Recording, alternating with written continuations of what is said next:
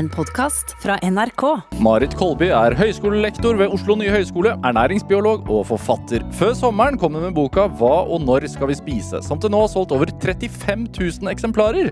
Kolby mener bl.a. at ultraprosessert mat og for mange tilsetningsstoffer er skadelig for oss, og at vi bør slutte med for mange mellommåltider og kvitte oss med frykten for sulten. Dette er Drivkraft med Vegard Larsen i NRK P2. Marit Kolby, velkommen til Drivkraft. Takk skal du ha. Hvordan har du det? Eh, jo, det er et godt spørsmål. Eh, noen ganger så eh, glemmer jeg å kjenne litt etter på det. Eh, men jeg, jeg må innrømme at jeg klyper meg selv litt i armen eh, om dagen. Hva, hva, hvorfor denne klypingen? Eh, jo, fordi på grunn av denne vanvittige interessen for, for boka. Eh, og mm, jeg, jeg må jo si jeg syns det er utrolig at den har nådd så bredt ut. Ja. Eh, både det selvfølgelig, og at det er så mye interesse for det, for det er jo tross alt populærvitenskap. Eh, og det er ikke bare enkelt, det er faguttrykk, og det krever litt av leseren. Og at det er så mange som leser den boken med så mye interesse. Eh, og tilsynelatende leser den omtrent som den er krim. Og så skriver de til meg at nå har jeg slukt boken din, og nå skal jeg lese den på nytt. og Uh, og, så det er både det, og også de, det at de tar til seg det jeg skriver, og klarer å gjøre endringer i eget kosthold og matvaner, og så opplever de da eh, positive helseeffekter av det. Ja. Uh, og så får jeg det tilbake uh, hver eneste dag. Mange meldinger. Og det Da må jeg klype meg selv litt i armen. Hvordan- det? Hvordan kan en sånn melding se ut? Du, det kan være alt fra en sånn helt enkel kort melding, ville bare si tusen takk for at du har eh, gitt meg denne informasjonen, og nå kan jeg føler jeg, føler jeg er bedre rusta til å gjøre bedre matvalg, og både for meg og familien min. Og så kan det være lengre historier med altså sykdomshistorier, eller det, ofte, det handler ofte mye om sånn diffuse helseplager, da. Mm. Eh, som mange opplever at blir mye bedre eller helt borte når de endrer kosthold og endrer litt på måten de spiser, altså hvor ofte de spiser og, og slikt. Så, så det syns jeg er Det er utrolig Det er helt fantastisk å få sånne meldinger tilbake og se at det, at det faktisk kan gjøre en forskjell da, med den kunnskapen som jeg eh, har jobbet ganske hardt for å få ut. At det, det virkelig gjør en forskjell for folk. Så da må jeg klype meg selv i armen. Er det? Opplever du Fordi vi Når vi inviterer gjester hit eh, i Drivkraft, så serverer vi de ofte kaffe og Twist utenfor. ja. Eh, og så spurte produsenten min i dag spurte sånn Ok, kanskje vi skal ta med noen druer i stedet? ja, vi, får, vi, får, vi får en eh, ernæringsbiolog på, på besøk. Er det Når du blir invitert i middag til folk og sånn Blir ikke invitert til middag mer. lenger? Nei, nei, det er ingen som tør å servere mat til meg eh, lenger. Nei da.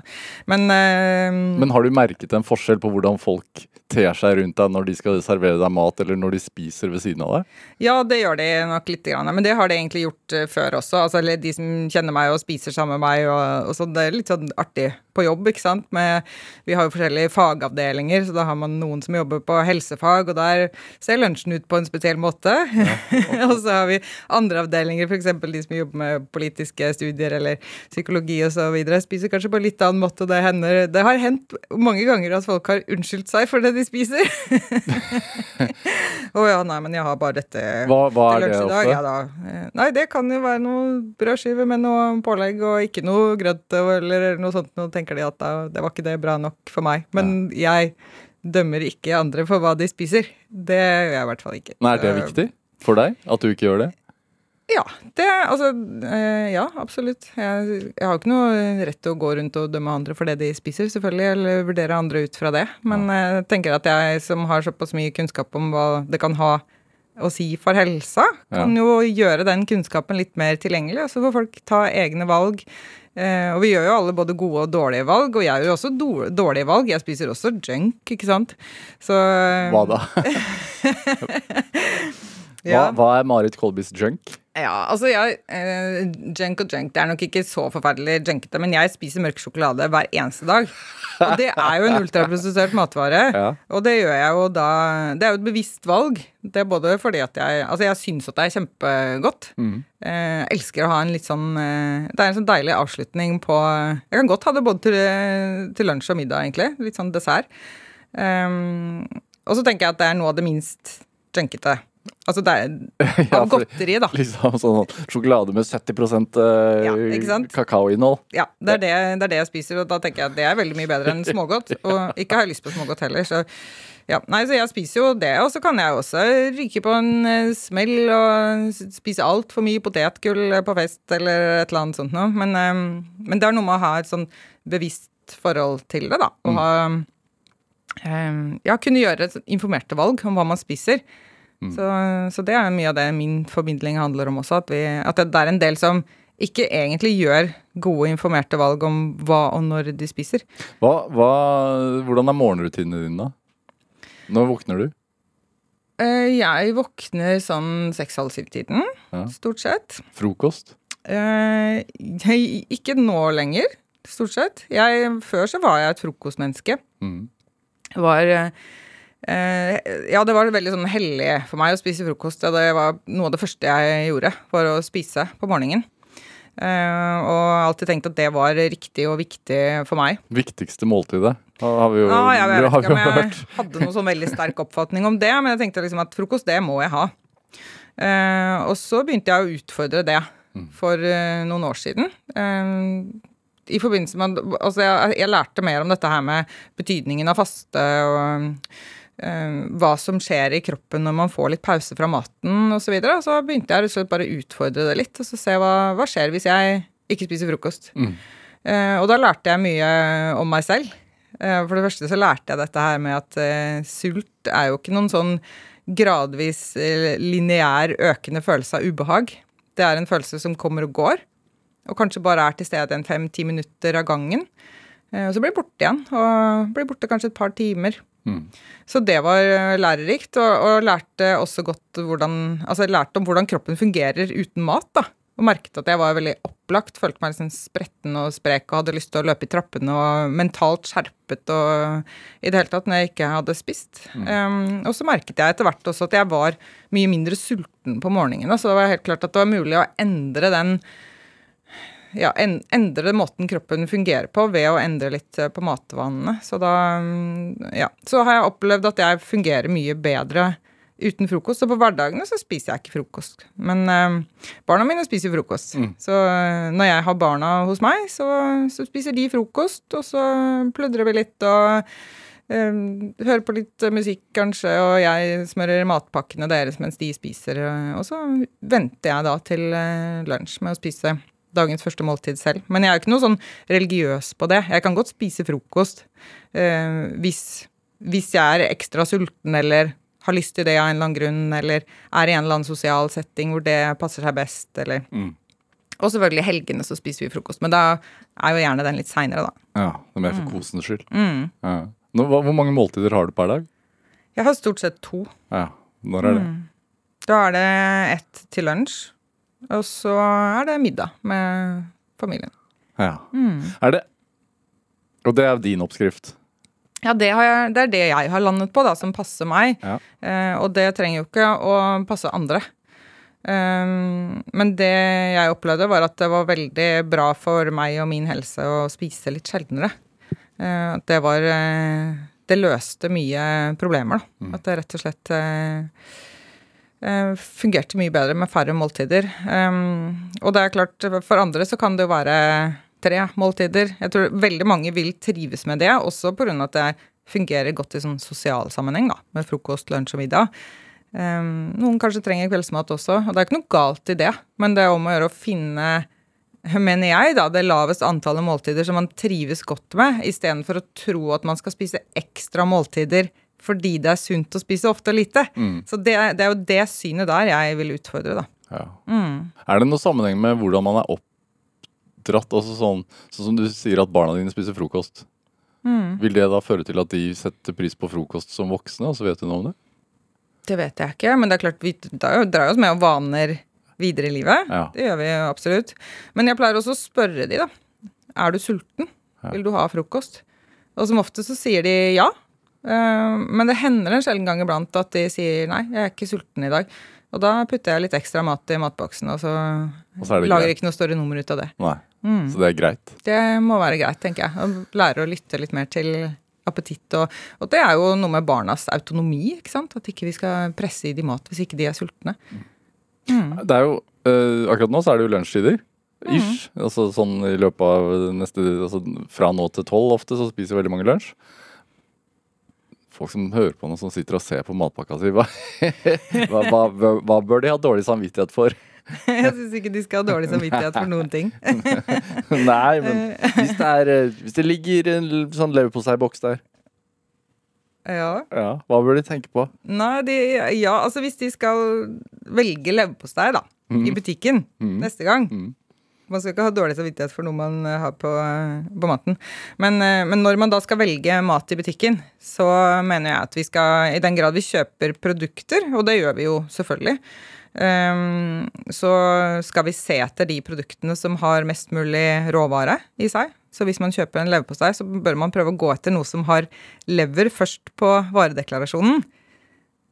Og det vil man jo kanskje tenke at ja, men det er vel en selvfølge. Mm. og kanskje ikke alle vet det, men det er også det som står først på deklarasjonen som det er mest av i et produkt. Så hvis det står lever først, så betyr det at det er mest lever i den. Men eh, hvis man leser på varedeklarasjonen på leverposteien i butikken, så kan man finne ganske mange som har vann som første ingrediens. Eh, og da tenker jeg at da har man funnet et eh, produkt med veldig mye dårligere kvalitet og dårligere næringsverdi. Ja. Så man må studere de etikettene litt nøyere. Ja, det er ikke så dumt. Dette er Drivkraft med Vegard Larsen i NRK P2. Og i dag er ernæringsbiolog og forfatter Marit Kolby her hos meg i Drivkraft på NRK P2. Det, vi snakket jo litt om at, at uh, boka di eh, 'Hva og når skal vi spise' har generert ganske mye oppmerksomhet. Solgt 35 000 uh, eksemplarer. Hva koster det å bli en sånn matekspert? Altså, hvordan føles det egentlig? Og du har jo tatt den rollen, du har ønsket den rollen. Men hvordan er det? Ja, um, som jeg sa, at jeg må klippe meg litt i armen over hva som har skjedd. eh, Men det er jo det er jo litt begge deler. Altså, som du sa, jeg har tatt den rollen, jeg har ønsket den rollen. Jeg har egentlig jobbet eh, for å få en stemme i den offentlige ernæringsdebatten eh, i mange år. Eh, og skrevet mye debattinnlegg i avisene, ikke sant. Eh, Bruker masse tid på sånne ting og prøver å formulere noe nyttig og poengtert bare for å få den tilbake. Enten så blir den bare avslått, eller så får du beskjed om at ja, disse her eh, 4000 tegnene her, de, de kan du barbere ned til 1500, så skal vi vurdere det, ikke sant. Så har man eh, Altså det er en sånn utakknemlig jobb å prøve å delta i den offentlige kostholdsdebatten eh, på den måten. Men jeg har gjort det ganske mye, da. eh, Og skrevet, eh, skrevet mye debattinnlegg. Prøvd å Husker du hva det første det var du skrev debattinnlegg om?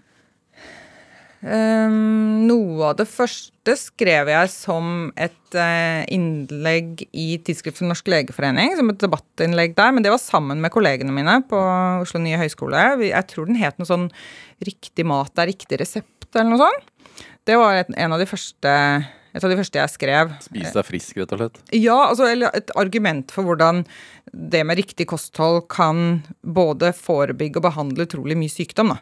Uh, og at vi, vi bruker egentlig ikke det der forebyggingsperspektivet i helsearbeid nesten i det hele tatt. Det er altfor lite til stede. Uh, og det er så vanvittig mye potensial der i innsparte penger. Altså både for samfunnet, selvfølgelig samfunnsøkonomisk, eh, vil jo det lønt seg ekstremt hvis folk ikke ble syke i utgangspunktet. Men det er også så mye sånn personlig lidelse i det her, da. Ikke sant? Det å ha dårlig helse eh, er eh, Ja, det gjør jo veldig mye med livskvaliteten. Og at vi kunne hatt friske, produktive liv. Det hadde vært Altså så mye bedre samfunn vi hadde hatt da. Hvor, hvor, hvor nytt er dette kostholdseksperimentet vi driver med nå? Ja, eh, si det. Vi har jo ikke egentlig eh, så veldig gode data på akkurat disse trendene, akkurat når det skjedde, på en måte. Eller vi vet jo sånn cirka en eller annen gang etter andre verdenskrig, så var, var på en måte den tiden hvor kvinnene i større grad skulle ut i jobb, matindustrien tok over matlagingen i hjemmet, fortalte at dette trenger ikke dere å bry dere om lenger, vi skal, dette her har vi styr på. Um, så matindustrien har jo veldig stor grad vokst fram på den tiden, men så har den også endret seg etter hvert. Fra kanskje i utgangspunktet å være en industri som lagde mer kanskje mer det vi ville lagd i hjemmet, som man da kunne kjøpe ferdig, til å bli en industri som lager mer og mer av det vi kaller for ultraprosesserte industriprodukter. Mm. Fordi at disse er mer lønnsomme for industrien, rett og slett. Hva er en ultraprosessert uh, et ultraprosessert produkt? Ja, det er litt vanskelig å definere veldig kort. Uh, men det handler om omfattende prosesserte industriprodukter. Ja. Eh, som for eksempel? Som for eksempel ferdigpizza og brus og sjokolademelk og margarin og mm. mange forskjellige ferdige sånne poseretter. Eh, chicken nuggets og fiskepinner og pommes frites og potetgull og Altså alt, alt det vi klassisk ser på som junk, men det er også en del av det vi handler, og som, som, står på frokostbordene og, og, som vi har som del av vårt daglige kosthold, er ultraprosesserte produkter. Som du tenker er sunt? Ja, som vi også kan tenke er sunt, kanskje fordi de er nøkkelhullsmerket, eller de har en eller annen helsepåstand på seg. ikke sant? Mange av disse frokostproduktene, sånn som uh, Cheerios og havrefras og sånn, tenker man liksom å ja, men dette er havre, og så står det, står det kanskje 100 fullkorn. Mm. Eh, og så tenker man at dette er et godt, eh, godt produkt. men det som er greia, er at det er et veldig mye dårligere produkt sammenlignet med det som var råvaren, som ville vært havregryn. ikke sant? og den jevne forbruker har jo lite kunnskap om hva som egentlig skiller de to. Når det står at det er laget av havre, og at det er fullkorn, og det har et nøkkelhullsmerke osv., så, videre, så tenker man jo at ja, men dette her er bra greier. Eh, og så vender man seg kanskje mot disse produktene. Um, og det kan jo også være ting som altså, eh, Vi drikker veldig mye juice, ikke sant. Vi spiser polarbrød, vi bruker tuboster, og det er mange sånne ting som er de er dårligere um, enn det de er ment for å fortrenge, da. Mm.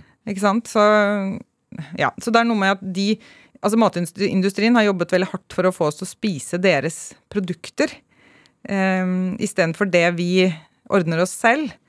Uh, og det har de fått til i stor grad, så vi, vi har på en måte byttet ut um, både frokost, lunsj og middag i stor grad med, med matindustriens produkter.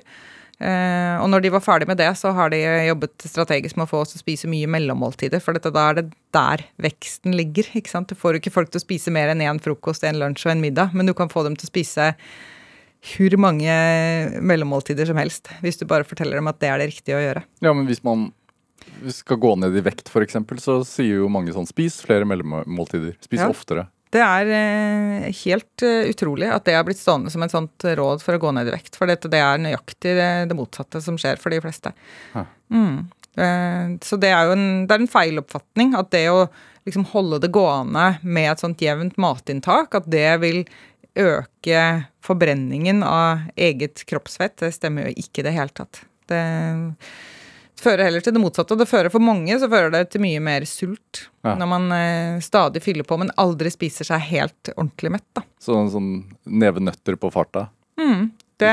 Ikke en god idé? Nei, eh, jeg syns jo ikke det. Og så er det ofte Det er jo ofte også at det ikke er disse her hele matvarene. Altså Hvis du tok noen nøtter og en eh, banan eller et eple, eller noe sånt, så ville det vært et bedre alternativ hvis man skal ha et mellommåltid. Ja. Men veldig ofte så er det jo ikke det folk spiser.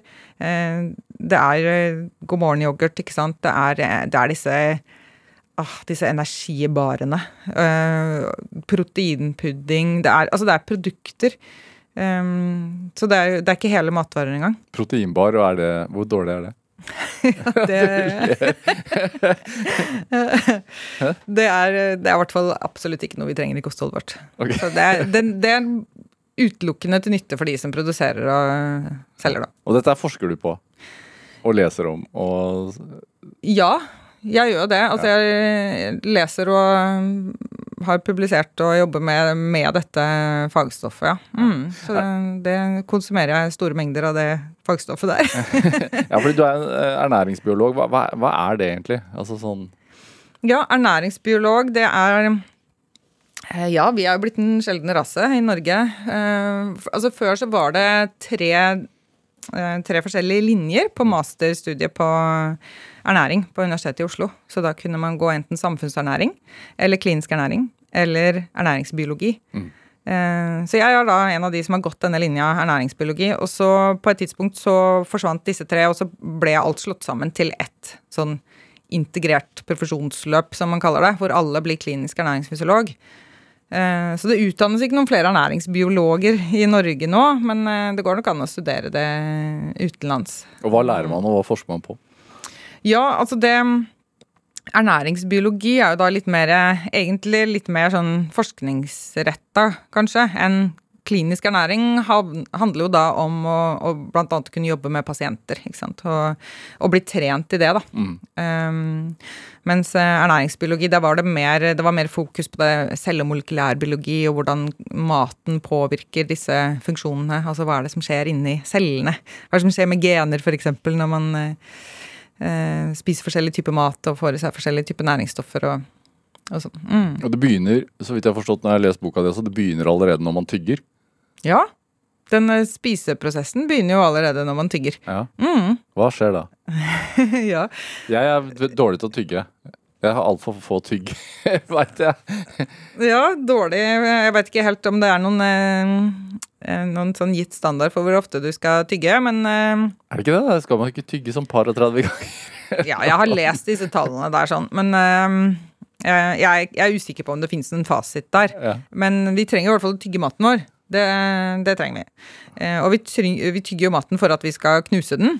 Eh, og også for at vi skal blande den med spytt, ja. sånn at maten blir myk. Sånn at vi kan svelge den ned uten at den skader fordøyelsessystemet vårt. Og så skiller vi, Når vi skiller ut dette spyttet, så har jo det forskjellige funksjoner. Der er det bl.a. forskjellige slike enzymer, som vi kaller det. Det er sånne spesialiserte proteiner som kan gjøre en oppgave. Eh, og i spyttet så har vi bl.a. sånne enzymer som kan begynne å dele opp karbohydrater i maten vår til mindre bestanddeler. Sånn at de senere kan tas opp lenger ned i fordøyelsessystemet. Mm. Men vi skiller også ut noen bakteriehemmende stoffer. For vi skal passe på at ikke vi ikke får for mye bakterievekst. For det er jo både Vi har bakterier i munnen, og det er bakterier i maten vi spiser.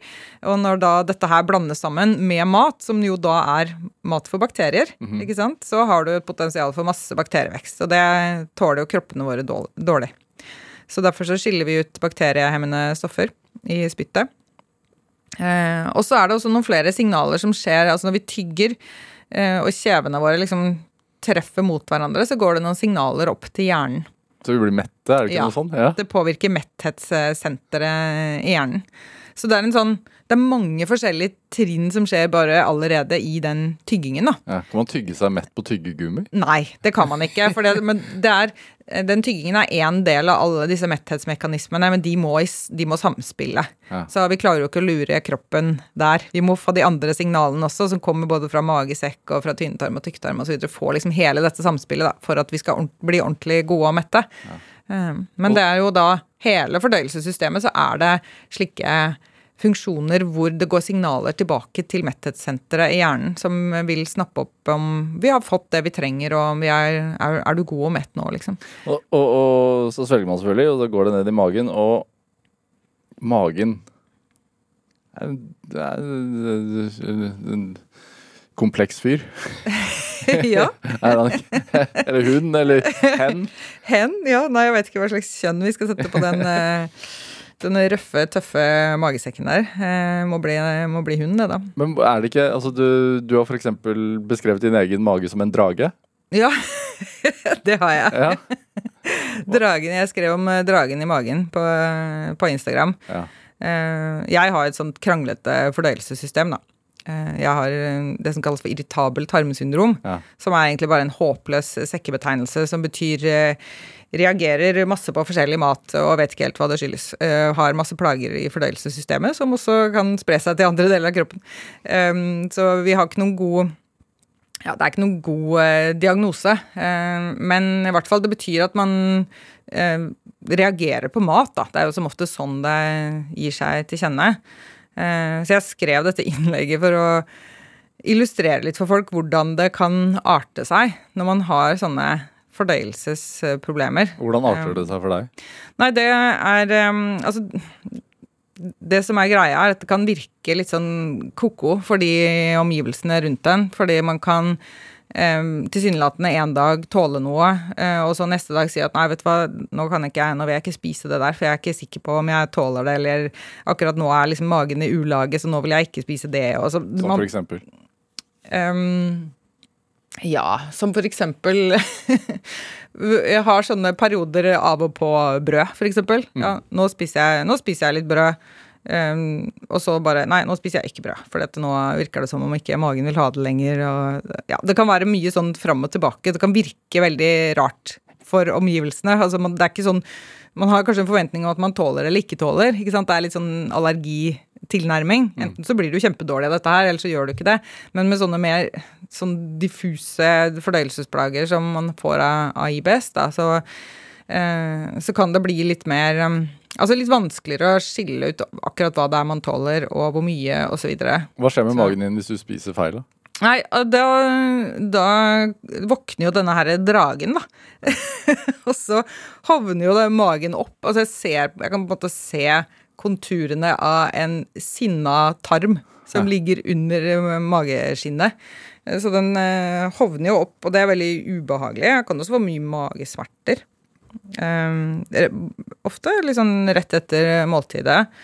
Um, men så um, Jeg har egentlig mest plaga med det som vi kaller for Altså sånne sekundære reaksjoner til dette her. Altså ekstraintestinale plager, som det heter. Så jeg får ledd- og muskelsmerter, jeg blir utmatta, jeg får hodepine eller migrene. Um, ja. Er det uh, irritabel tarmsyndrom og, og uh, allergier og Har det økt uh, de siste årene? Veit man om det? Ja, det har det jo. Det har det absolutt. Uh, og nå har jeg ikke noen gode tall på liksom, trendene der.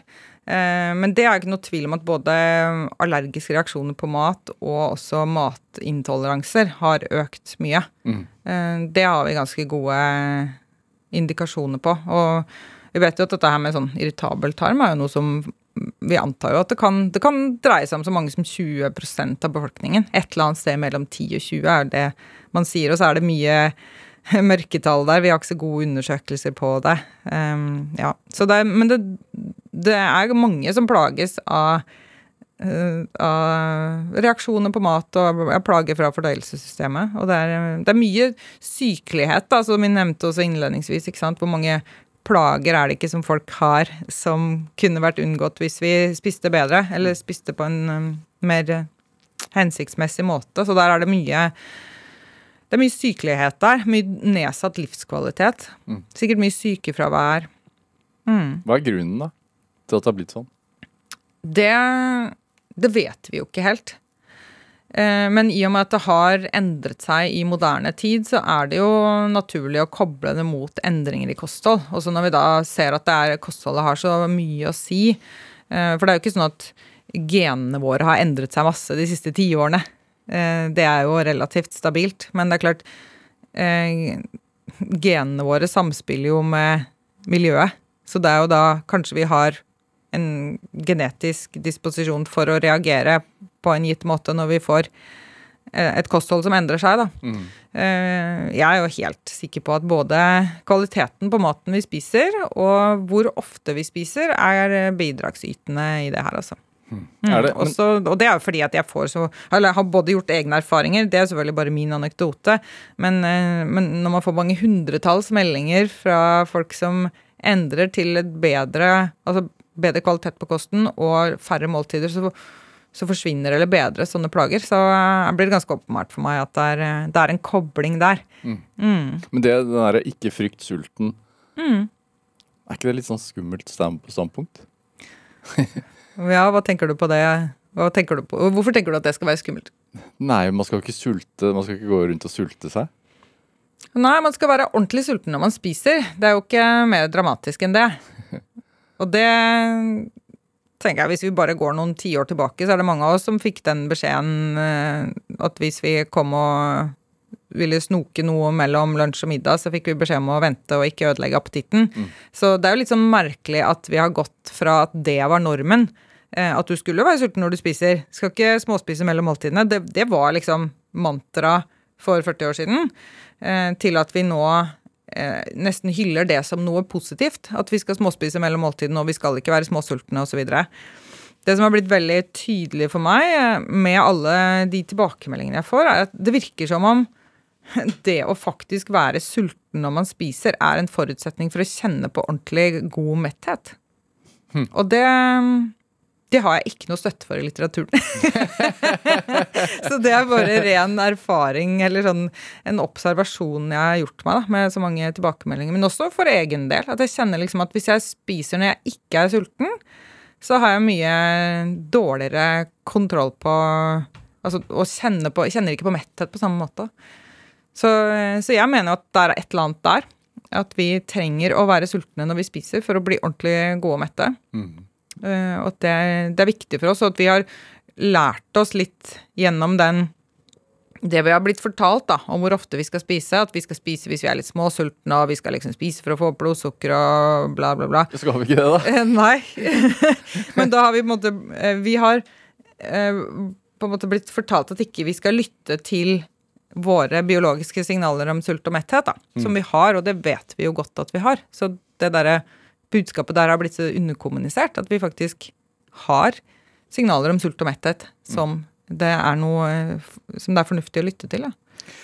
Marit Kolby, vi skal spille litt musikk. Ja. Eh, hva er det for en låt? John Farnham, You're the Voice. ja, jeg tenkte mm, at den passa ganske bra til, ja. til der jeg føler at jeg er eh, i livet akkurat nå, da, med, med denne boka. og eh, ja, litt sånn til dels eh, At det kan være litt sånn tøft å være den som kommer ut med eh, nye synspunkter på ting og få motstand på det osv. Tenker jeg at nei, men når, når det er noe som ikke er sånn som det skal, så må man faktisk eh, si fra. Ja, og det handler den låta om. Den handler litt om det, ja. Mm.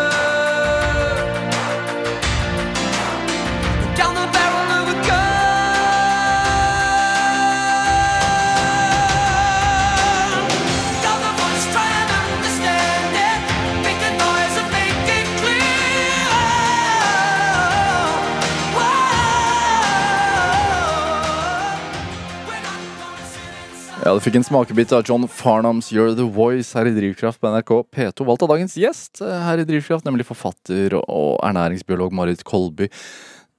Hvor er du fra? Du, jeg er oppvokst i en liten bygd utenfor Hønefoss. Fra Hausbygd. Ok, Ja. Hva slags sted er det? Det, ja, hva slags sted er det? Hvordan skal man beskrive det? da? Det er jo en sånn eh, liten bygd eh, Jeg husker ikke helt hvor mange som eh, bor der, eller bodde der, men det er i hvert fall et sånt sted som er lite nok til at de fleste vet hvem de fleste er. Sånn lite trygt sted, ikke sant. Det har eh, barnehage og skole og ungdomsskole og butikk og ja, det, det meste man trenger samlet på ett sted. og ja, Hvem var det? det, det, velger veldig sånn landlig til, da. Ikke sånn blant gårder og um, Ja. Hvem var dere? Vi var en familie på fem. Så det var da mamma og pappa, tre søstre. Ja. Det var da Elin som var min storesøster, eller var, hun er min storesøster. og så er det jeg som er i midten, og så er det Hanne som er lillesøster. ja. og gjorde mora og faren din, da? Eh, mamma jobbet som lærer eh, hun, er utdannet lærer. Eh, var hjemmeværende da vi var små. Og så omskolerte hun seg, eller tilleggsutdannet seg da egentlig, og um, studerte ledelse. Så begynte hun å jobbe i kommunen Mm. etter hvert. Eh, pappa er sivilingeniør innen bygg. Hvem var du da, som barn? Um, ja, hvem var jeg? Jeg var vel litt sånn sånn som løp litt fritt rundt. Ganske bekymringsløst, egentlig. Kan liksom huske Jeg husker jo mest at vi bare var ute og lekte egentlig hele tiden. Mm. Eh, det stemmer sikkert ikke, men det er det jeg husker. Er det uh, Moren din var hjemme da dere var små? Ja, Husmannskost? ja det, var mye, det var mye husmannskost. Ja. Mm, det var mye sånn torsk og gulrøtter og poteter og kjøttkaker med kålstuing og sånn ja, ordentlig god, gammeldags norsk eh, kosthold. Ja. Mm.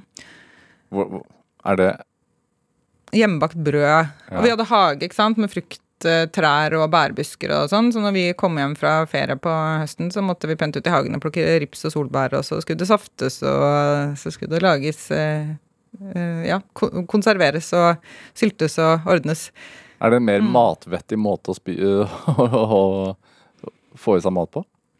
Ja, Jeg tenker jo at det er At vi kanskje må litt tilbake til eh, en litt mer gammeldags måte å omgås maten vår på. Mm. Hvordan var søndagsmiddagen? da? Um, jeg husker ikke egentlig så godt. Vi hadde sikkert mye sånn søndagssteik og, og sånt noe. Ja. Mm. Er det Når var det du Og så hadde vi lørdagsgodt, da. Og så delte vi en, en 033 brus på tre på lørdag. Ja. Og så hadde vi sånn lørdagsgodt. Vi hadde tre skåler fordelte likt til alle. Ja. Det tenker jeg også er Det er en bra greie. Det får barna mine også. De får lørdagsgodt. Ja. Mm. Er det, for det er viktig å kose seg også. Ja, man skal jo det, og da skal man jo kose seg med god samvittighet. Men vi skal jo ikke kose oss absolutt hele tiden heller. Nei. Var det ernæringsbiologi? Var det liksom veien du tenkte at, altså at er det, det skal jeg drive med? Nei, det, det tenkte jeg ikke, i hvert fall ikke som liten. Jeg hadde ikke eh, anelse om hva jeg skulle gjøre da jeg var liten, og heller ikke eh, som ungdom. Eh, jeg husker at jeg, da jeg valgte fag på videregående f.eks., så bare plukket jeg helt sånne random ting som jeg um, likte å holde på med, eh, uten noe tanke for hva jeg skulle bruke den kombinasjonen av fag til. Eh, og det fikk jeg litt sånn tvil litt for senere også, da. Men eh, eh, når jeg ikke hadde det jeg trengte for å komme inn på studier. Men jeg, jeg visste ikke hva jeg skulle bli, rett og slett. Så jeg tenkte jeg får bare, får bare gå som det går. Så får vi se, se hva jeg blir etter hvert. Men jeg, jeg har alltid vært veldig interessert i naturvitenskap, da. Alltid likt biologi. Så jeg har- valgte jo da fordypning i biologi, bioteknologi, og syntes det var spennende. Så jeg hadde en sånn, etter videregående så hadde jeg en plan om at jeg skulle begynne å studere bioteknologi, var vel egentlig greia. Og det var jo også liksom spennende på det, eh, på det tidspunktet. Jeg var jo ferdig i 94, var jeg russ. Da var det det på en måte veldig sånn nytt felt, da. Hvorfor var det interessant? da? Nei, jeg, jeg, vet ikke. Nei, det var vel det der med det, det litt nye og spennende i dette med å kunne gjøre teknologiske fremskritt basert på biologien. Da. Jeg syns det, var, Syntes det var spennende. Sto du på, Var du en sånn som ville bli hørt? Ja, jeg var nok det. Eller jeg har i hvert fall alltid vært en sånn som snakker litt høyt. Eller som ikke Jeg har ikke vært en sånn som gjemmer meg bort. Jeg husker jeg fikk jo høre på barneskolen, så fikk jo foreldrene mine høre omtrent på hver konferansetime, tror jeg, at eh, hun datteren deres, hun er litt sånn oppesen. Hun stiller litt spørsmål og Ja, men pappa har sagt at det ikke er sånn. så ja, så jeg var nok litt sånn Kanskje litt irriterende ja, frempå. Ja. Du, har, Mm. du har følt på det å være sånn hjemmeværende selv? Ja, det har jeg. Hjemmeværende husmor. Ja. Det fikk jeg prøve meg på en, eh, en liten stund. Eh, Det var jo da eh, en god del år siden eh, nå. Da var det da min nå eksmann og jeg, vi bestemte oss for å reise til USA. Eh, Han fikk muligheten til å ta en postdoc eh, en gruppe der, jobber med noe som han syntes var veldig spennende. Så tenkte vi at ja, men da får dette være din, da er dette din greie. Da, da gjør vi det, og så ser vi hvordan det går. Så da reiste vi over da med Linus, han var jo da 14 måneder gammel da vi reiste. Og så var det Iben, som da var eh, i magen. Da var jeg ganske høygravid da vi flytta. Eh, og så ble hun født der, og da hadde jeg et drøyt et par år som eh, hjemmeværende husmor. Mm. Mm, med to tette barn. og ikke noe nettverk. Og jeg fikk jo selvfølgelig det etter hvert, da, eh, så det var ikke det, liksom. Men, eh, men det, var jo, ja, det var jo interessant. Hvilke tanker eh, Altså, dette programmet heter jo Drivkraft. ja. Hva, tror du det har noe skyld i at du har full innboks nå, holdt jeg på å si? At jeg er full innboks? eh, Ja, altså det er jo selvforskyldt. Ja. Ja, Men, absolutt. men startet det da? Sånn eh, jeg, jeg må jo gjøre noe for meg selv? Eh, Da jeg var i USA, tenker du på? Ja, jo, det gjorde for så vidt det. For jeg trivdes jo ikke så godt i den rollen med bare å være mamma. Bare husarbeid og mamma, og bare andres behov, hele tiden. Så jeg kjente at jeg døde litt inni meg av å bare gjøre det, da. Mm. Jeg må ha noe annet også som, eh, som gir meg mening. Så da begynte jeg jo å begynte jeg å blogge. Mhm. Og begynte å, da tenkte jeg liksom at ja, nå kan jeg i hvert fall For det første så kan jeg få samlet alle disse oppskriftene mine som fløyt rundt. Jeg hadde noe på nett, jeg hadde noe på et lapp der, og noe på en utskrift her, og det var bare kaos. Hva slags Um, oppskrifter var det? ja, det var jo da oppskrifter som jeg eh, jeg tilpasset eh, til mitt eh, kosthold, da, fordi at jeg da eh, har lært meg å jobbe med hvordan oppskrifter kan endres og tilpasses til det jeg tålte. Mm, fordi du, du, da hadde du allerede gått gjennom en periode med en del matintoleranser, ja. Ja. Så jeg måtte liksom Jeg måtte tilpasse maten til det. Og så har jeg jo lyst til å spise Du har, du har ikke lyst til å bare spise noen veldig enkle, kjedelige ting. Altså jeg kunne levd på bare omelett, liksom, mens de andre sitter og spiser et eller annet, men det har jeg jo ikke lyst til. Så det jeg gjorde, var at jeg begynte å tilpasse andre matretter, da, og se om hvordan kan man trikse og mikse og ta ut litt av det og legge til litt av det, og ta ut den ingrediensen hvis den er problematisk, og hvordan kan man liksom gjenskape disse smakene ved å bruke noe annet og sånn. Så, så da ja, trikset og mikset jeg mye med det og, og samlet mange bra oppskrifter. Eh, Og begynte å blogge det, da. Også for å kunne dele med, med venner og kjente og sånn, som ofte spurte om mine oppskrifter. Hvordan har du laget denne dressingen her? Og så Istedenfor å da måtte skrive den på en lapp hver gang, så kunne jeg bare sende en eh, lenke. Var det det var veldig leste? praktisk. Ja, Var det noen som leste det? Ja, sånn i begynnelsen nesten ingen. Eh, men så plutselig så bare Oi, så jeg at det var noen hundre som var innom bloggen min hver dag, og så har det bare blitt eh, flere og flere. Det, det er jo ikke en profesjonell, fin blogg i det hele tatt. Den er ikke sånn pent estetisk satt opp. Det er bare sånn praktisk. Liksom. Det her, er det, her er det oppskriftene mine samla. Mm, for, fordi når man, når man har matintoleranse, så kan man jo fint tenke sånn at eh, ja, jeg er et problem. Jeg vil ikke, jeg vil ikke dele dette til så mange. Hvis jeg er Mm. invitert til middagsselskap, så vil jeg i hvert fall ikke bli, bli middagsselskapets problem. Mm. Uh, opplevde du litt sånn av det? Altså sånn når du begynte å publisere disse oppskriftene og sånn, så var det, da var du plutselig ikke aleine heller? Nei, altså, men jeg tenker at det er noe av det som er litt Det er litt nyttig å snakke om det, da. For det er jo så mange som har disse problemene her. Så, så det er jo kjipt hvis alle bare skal streve med alt dette alene. Uh, så vi må liksom ja, tørre å snakke om det og tenkte at det er, det er jo fint hvis jeg kan være med å gi det litt ansikt. Også som en sånn fagperson, da. Mm. Mm.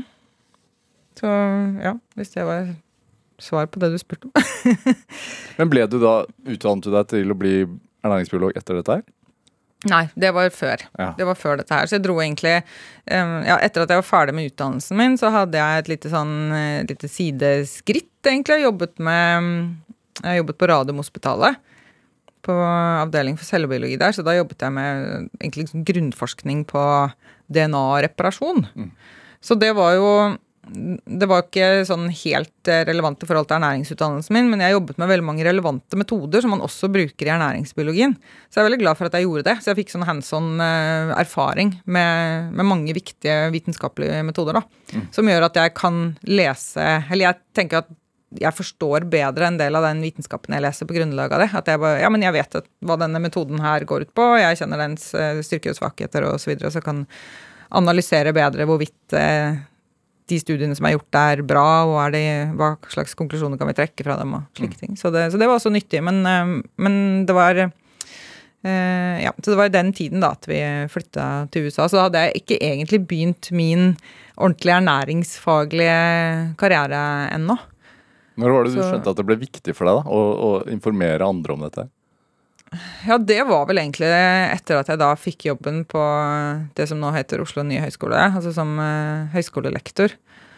Så fordi at i denne perioden da vi hadde vært i USA en stund, og, og jeg tenkte at nå, nå vil jeg ikke dette her lenger, nå må vi reise hjem. Um, så var det da ingen av oss som hadde noe jobb, så vi reiste rett og slett bare tilbake til Norge. Følte det flykta litt, egentlig, nesten, fra, fra USA. Eh, bodde gratis i en hytte på Sørlandet. Eh, søkte jobber. Og eh, ja. Eh, levde veldig sånn enkelt der, med ekstremt lav inntekt. Bitte lite grann sånn dagpengegrunnlag fra et par år tilbake. og det var også en nyttig erfaring, egentlig. Å klare seg på så lite penger. Hvordan da?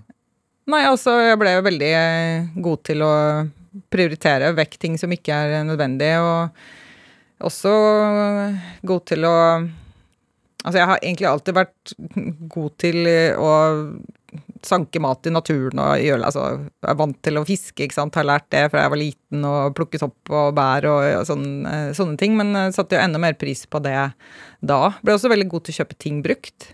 Kjøpte ikke, et ene, kjøpte ikke en eneste ny ting til barna. Alt, alt gikk på Finn, liksom. Og, eh, ja.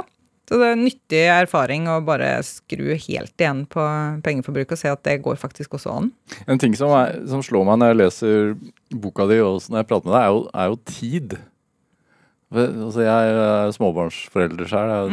En på to, en på fire. Og det, det blir mye pølser hjemme hos oss. For det første, de er glad i det, og så går det fort. Mm.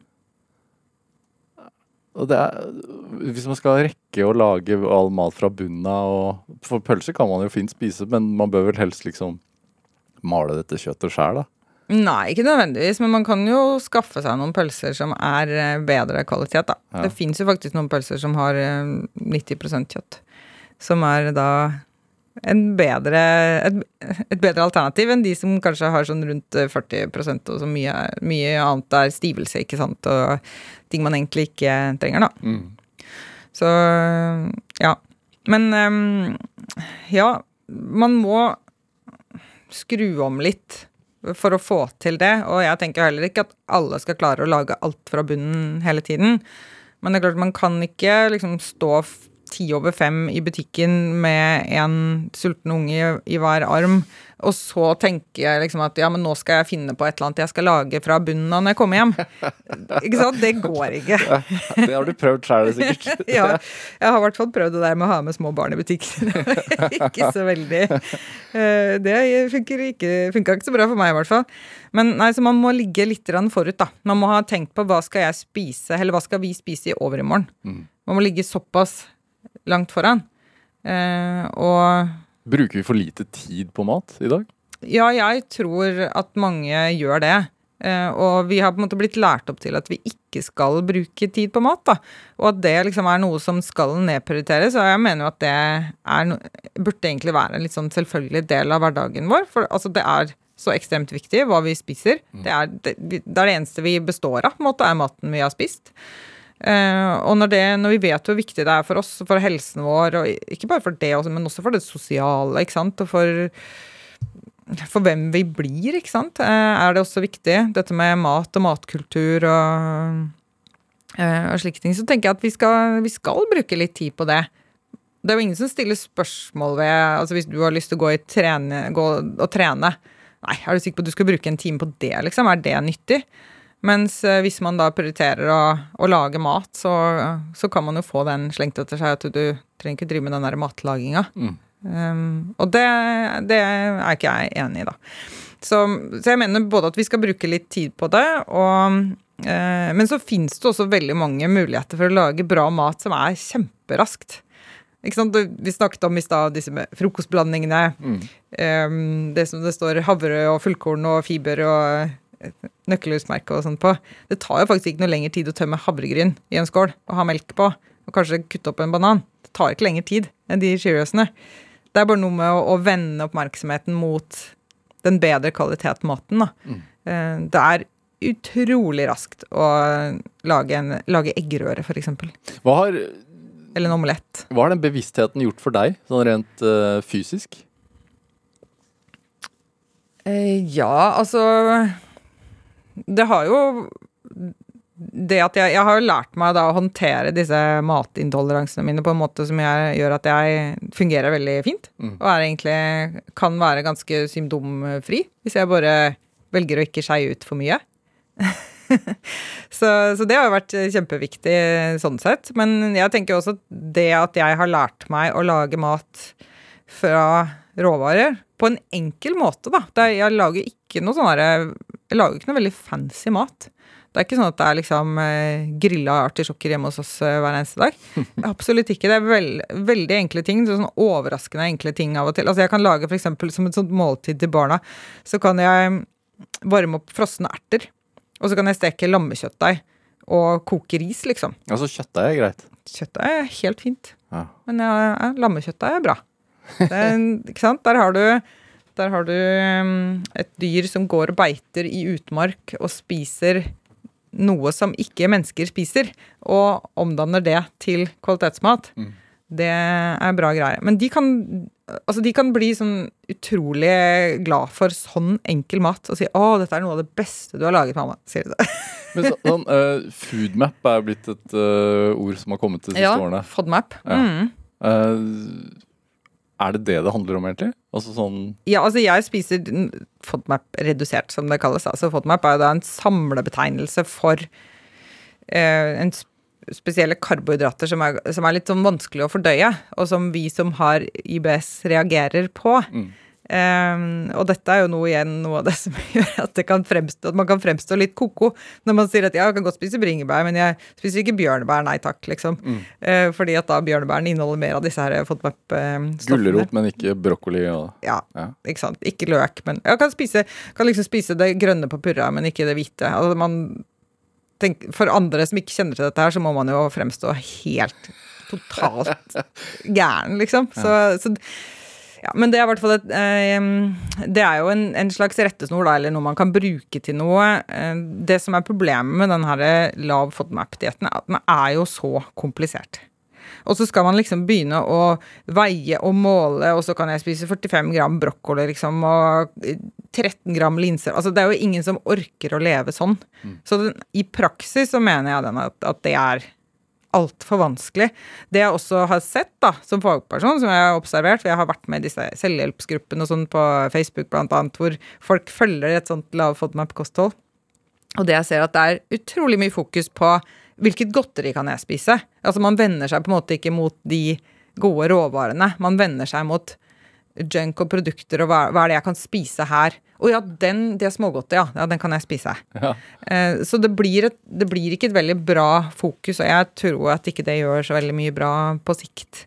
Eh, og så har jeg også da funnet ut, eh, både på egen hånd og ved å studere forskning, at dette her med f.eks. å justere på hvor ofte man spiser, eh, kan jo da være en mye enklere måte å Um, og rett og slett redusere symptomer på. Det er mange da som opplever at de, hvis de spiser sjeldnere, så tåler de mye mer. Ja. Så det er en eller annen Det er en belastning for fordøyelsessystemet å spise, faktisk. Hver, hvert måltid ødelegger tarmen lite grann.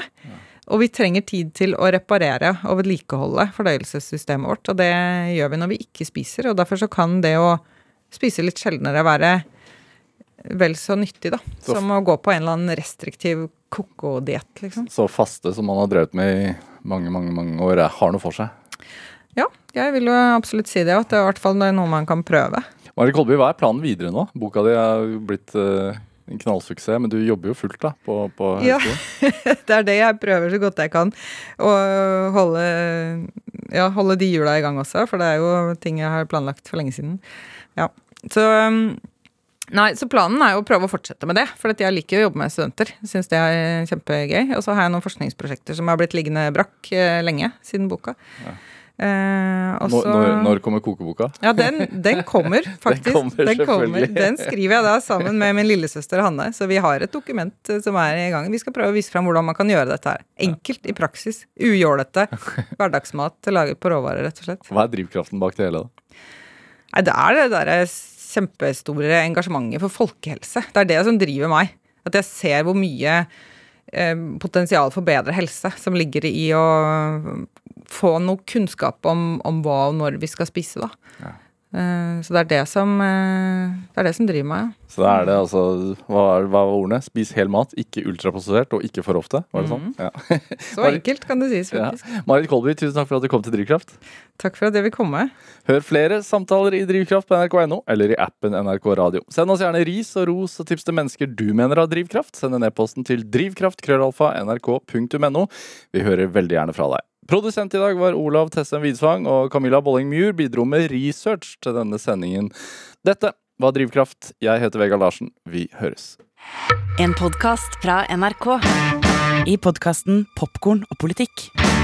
Hva sier utlandet om Norge? Ja, de sier litt om maten vår, i hvert fall. We start with the lutefisk. It is a fish cooked in lye. Lye?